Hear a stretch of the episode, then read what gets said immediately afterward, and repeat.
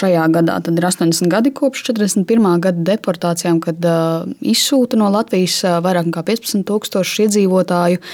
Vai mēs varam mazliet atkāpties tajā laikā un uh, pastāstīt klausītājiem, kāda bija Latvijas izsūtīšanas priekšvakarā? Varbūt varat uzbūvēt to ainu. Tur ir jāliek principā kopā divi komponenti. Viens tas ir laiks līdz 40. gadam, un viens bez šaubām pēc sarkanās armijas ienākšanas un pēc uh, Latvijas okupācijas.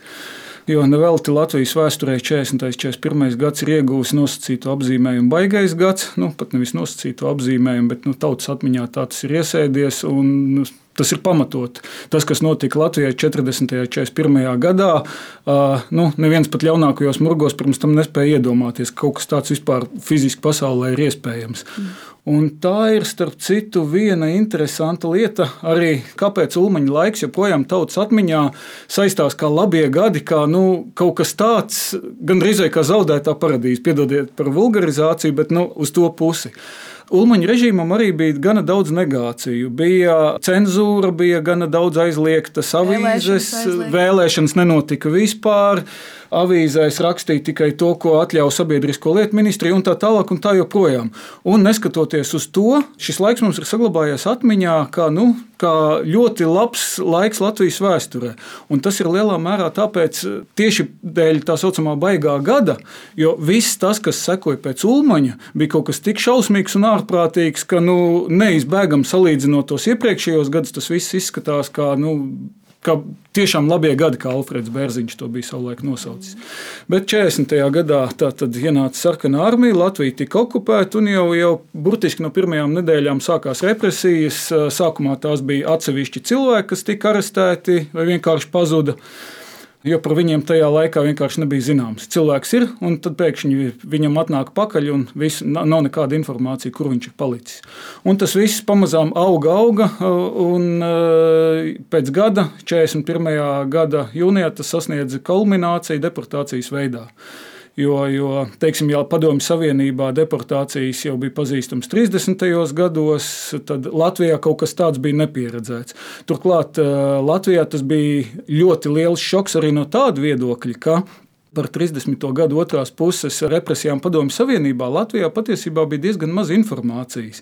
Jo Ulmaņa laika cenzūra darbojās cits starpā arī uz to, ka par šīm Padomju Savienībā notiekošajām represijām, par tā saucamo lielo teroru 37. un 8. gadā, ja jūs pašķirsīsiet tā laika Latvijas avīzes, tur praktiski nekā nav. Tā bija apzināta politika, lai tā laika politiķi izpratnē neprovocētu Padomju Savienību. Nu, kā, kā mēs zinām no vēstures, tas nekādā veidā netraucēja Padomju Savienībai Latviju okupēt, un kā mēs teiktu, pārējais ir vēsture. Un 41. gada deportācijas tas ir uz to brīdi šī politisko represiju kulminācija.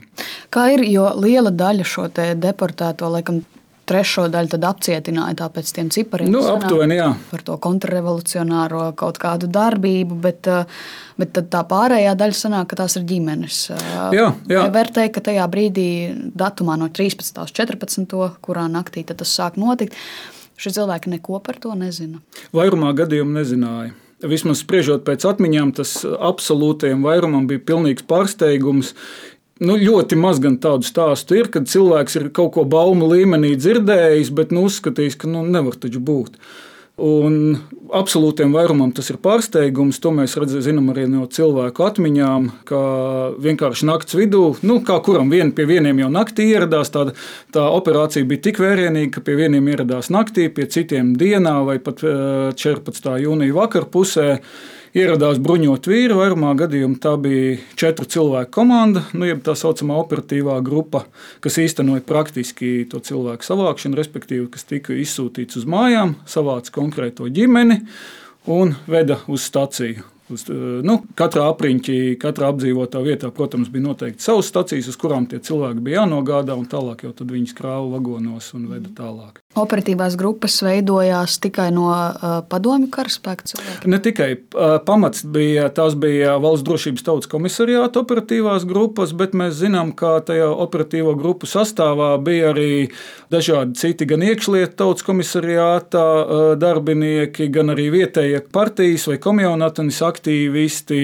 Jo lieta tāda, ka Latvijā bija gana daudz čekisti ievesti no padomju savienības, kur vienkārši nu, tās vietas nezināja, un tad vajadzēja kaut kādu vietējo partijas aktīvistu, kādu cilvēku, kurš aizved fiziski līdz tai mājai, kurš zina, kur tā māja atrodas. Jo, starp citu, arī eh, to daži represētie atcerās, ka, teiksim, tad, kad ieradās tā bruņotā grupa mājās, tēvs eh, ir vienu vai otru no tās grupas pazinis pat. Arī tādi gadījumi ir zināmi. Lielu daļu arī apcietina liktenē, nu, piemēram, Latvijas armijas. Tie bija armijas virsnieki. Jā. Un tad viņu ģimenes arī. Un tad ir zinām, neesot mājās vienkārši. Jā, jā, jā, arī tādi gadījumi ir zinām gana daudz, kad, teiksim, tēvs ir bijis tajā brīdī. Vai nu nav bijis mājā, tāpēc, ka tur strādājis uz lauka vai vēl kaut kur, vai arī ir citi gadījumi, kur tēvs, teiksim, strādājis ir citā pilsētā, viņš ir aizbraucis, viņš kaut kur atrodas tajā vietā, kur viņš strādā un viņu paņem no turienes un pārējo ģimeni mājās. Savukārt ir arī tādi gadījumi, zinām, no cilvēku atmiņām, ka, teiksim, atbrauc mājās, savāc tos, kas fiziski tur ir.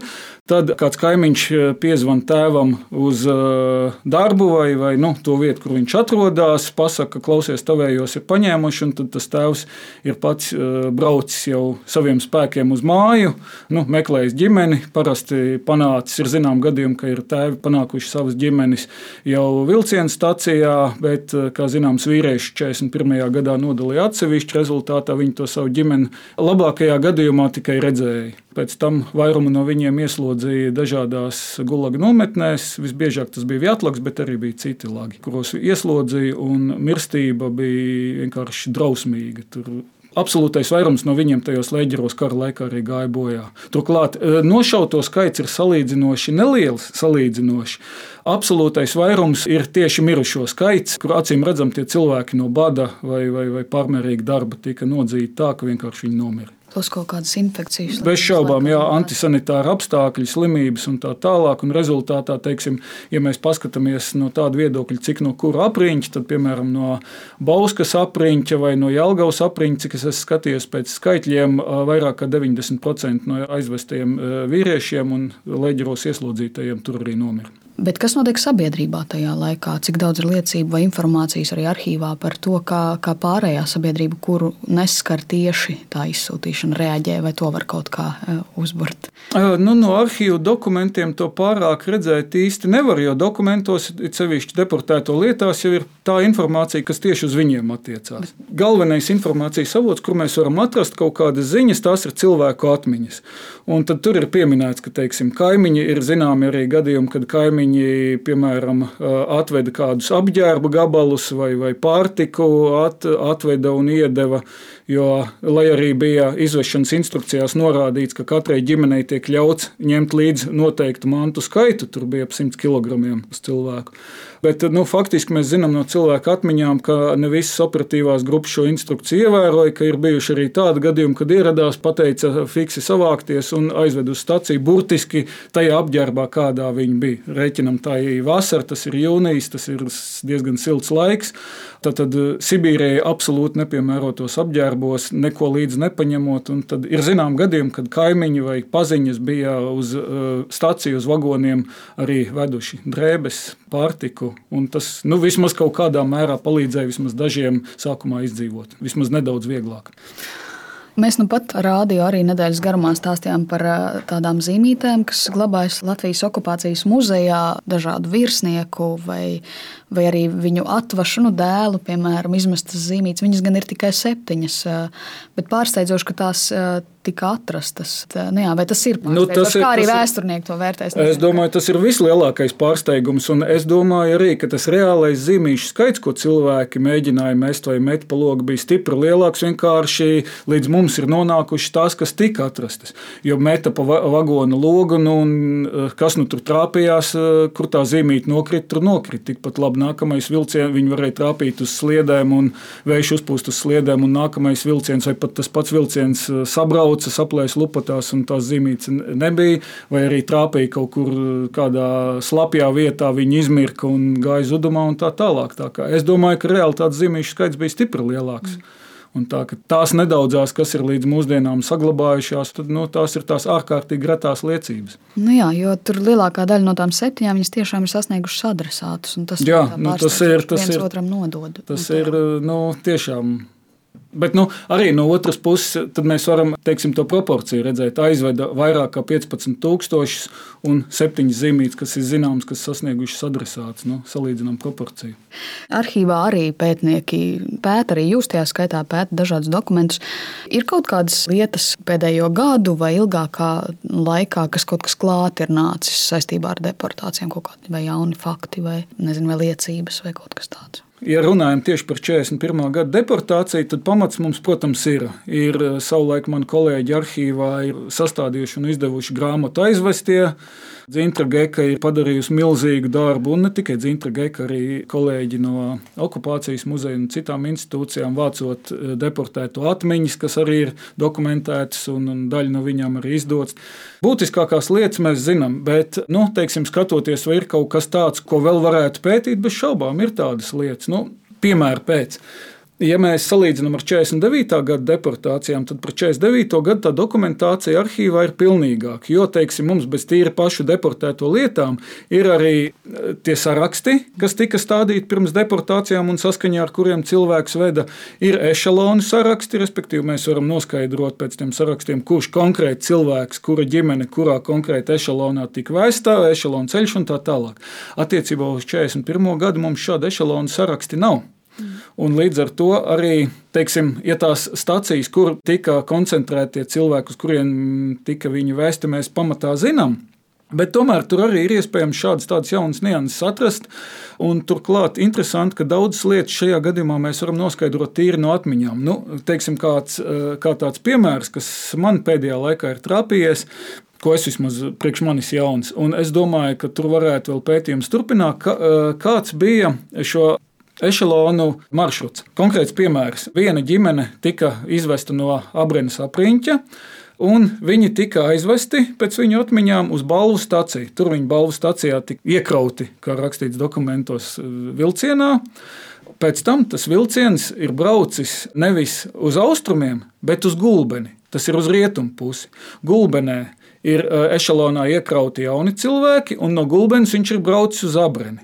Abrenē tam ešalonam ir pievienoti jau jauni vagoni, un tālāk, kas ir pats interesantākais, tas ešalons ir braucis nevis uz austrumiem, bet atpakaļ uz gulbeni, kur gulbenē viņam vēl ir pievienoti vagoni, un tālāk viņš braucis uz dienvidiem, uz Daugaupili, un tad tālāk jau no Daugaupils uz austrumiem. Man ir grūti pateikt, cik daudz ir šādi dīvaini pārvietošanās maršruti. Braukšana uz priekšu, apakaļ. Tieši tā. Jā. Netiešā veidā, starp citu, šis fakts liecina par to, ka acīm redzot, tā deportācija tika gatavota pārāk lielā steigā un pašiem organizētājiem tur kliboja loģistika, jo nu, ir saprotams, ka nav jēgas vienu ešalonu dzenāt uz priekšu atpakaļ.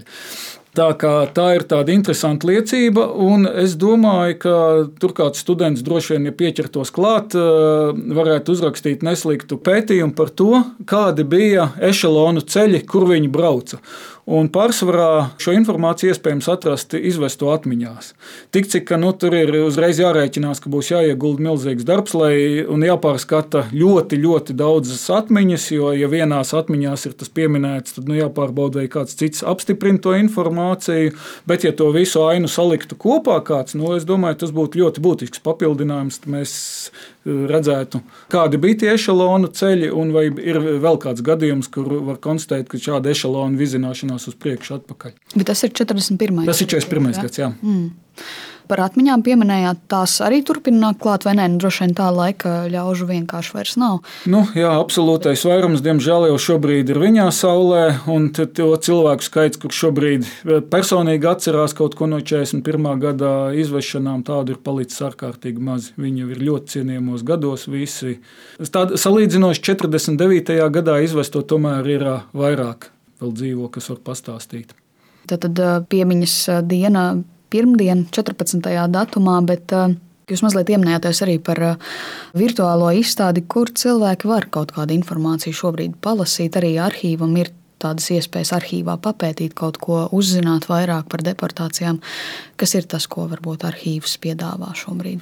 Virtuālā izstāde, ja tā vienkārši izsakoties, tā ir interneta mājaslapa, tīmekļa vietne, atrodas adresē www.artshiv.gov.lv šķērsvītra 1941.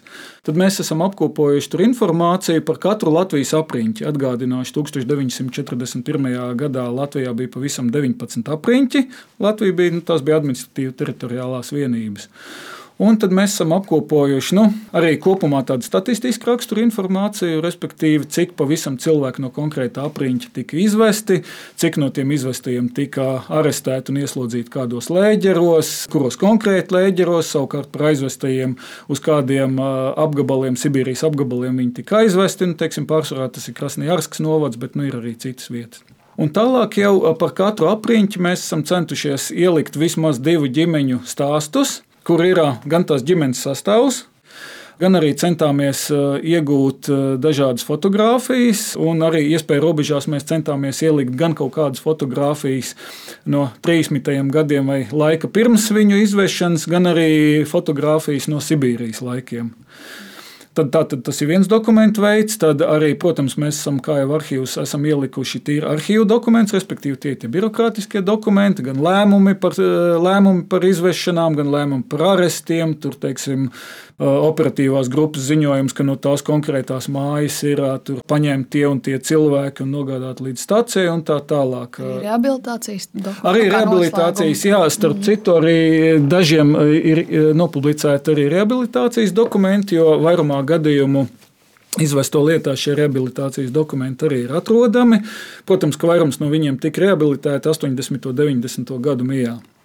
Tā kā arī tie ir apskatāmi. Nu, un trešā lieta, ko mēs vēl centāmies ielikt, arī ir vai nu attieci, vismaz viena attiecīgās ģimenes locekļa atmiņas, vai arī nu, citos gadījumos, teiksim, arī dienas grāmata. Teiksim, viens puisis no Jelgavas apriņķa rakstīja Sibīrijā, esot rakstījis dienas grāmatu. Šī konkrētā Dienas grāmata šobrīd glabājās Ģedera Telijās Jelgavas muzejā, un muzejs mums piedāvāja materiālus no šīs dienas grāmatas, un arī fragmenti no tās dienas grāmatas ir ielikti iekšā, respektīvi, ko puisis pierakstīja un ko viņš konkrēti redzēja, kā viņš to visu izjuta un tam līdzīgas lietas. Lai arī mūsdienās ir pierasts, ka internetu mājaslapas bieži vien apskata ļoti ātri pa diagonāli, fiks paskatās pāris bildītas, un tas arī viss, bet nu, es tomēr aicinātu palasīt arī šo šo cilvēku atmiņas vai dienas grāmatas, jo tas šiem sausajiem birokrātiskajiem dokumentiem eh, piedod eh, pilnīgi citu skatu. Jo, teiksim, viena lieta, ka tu redz kaut kādu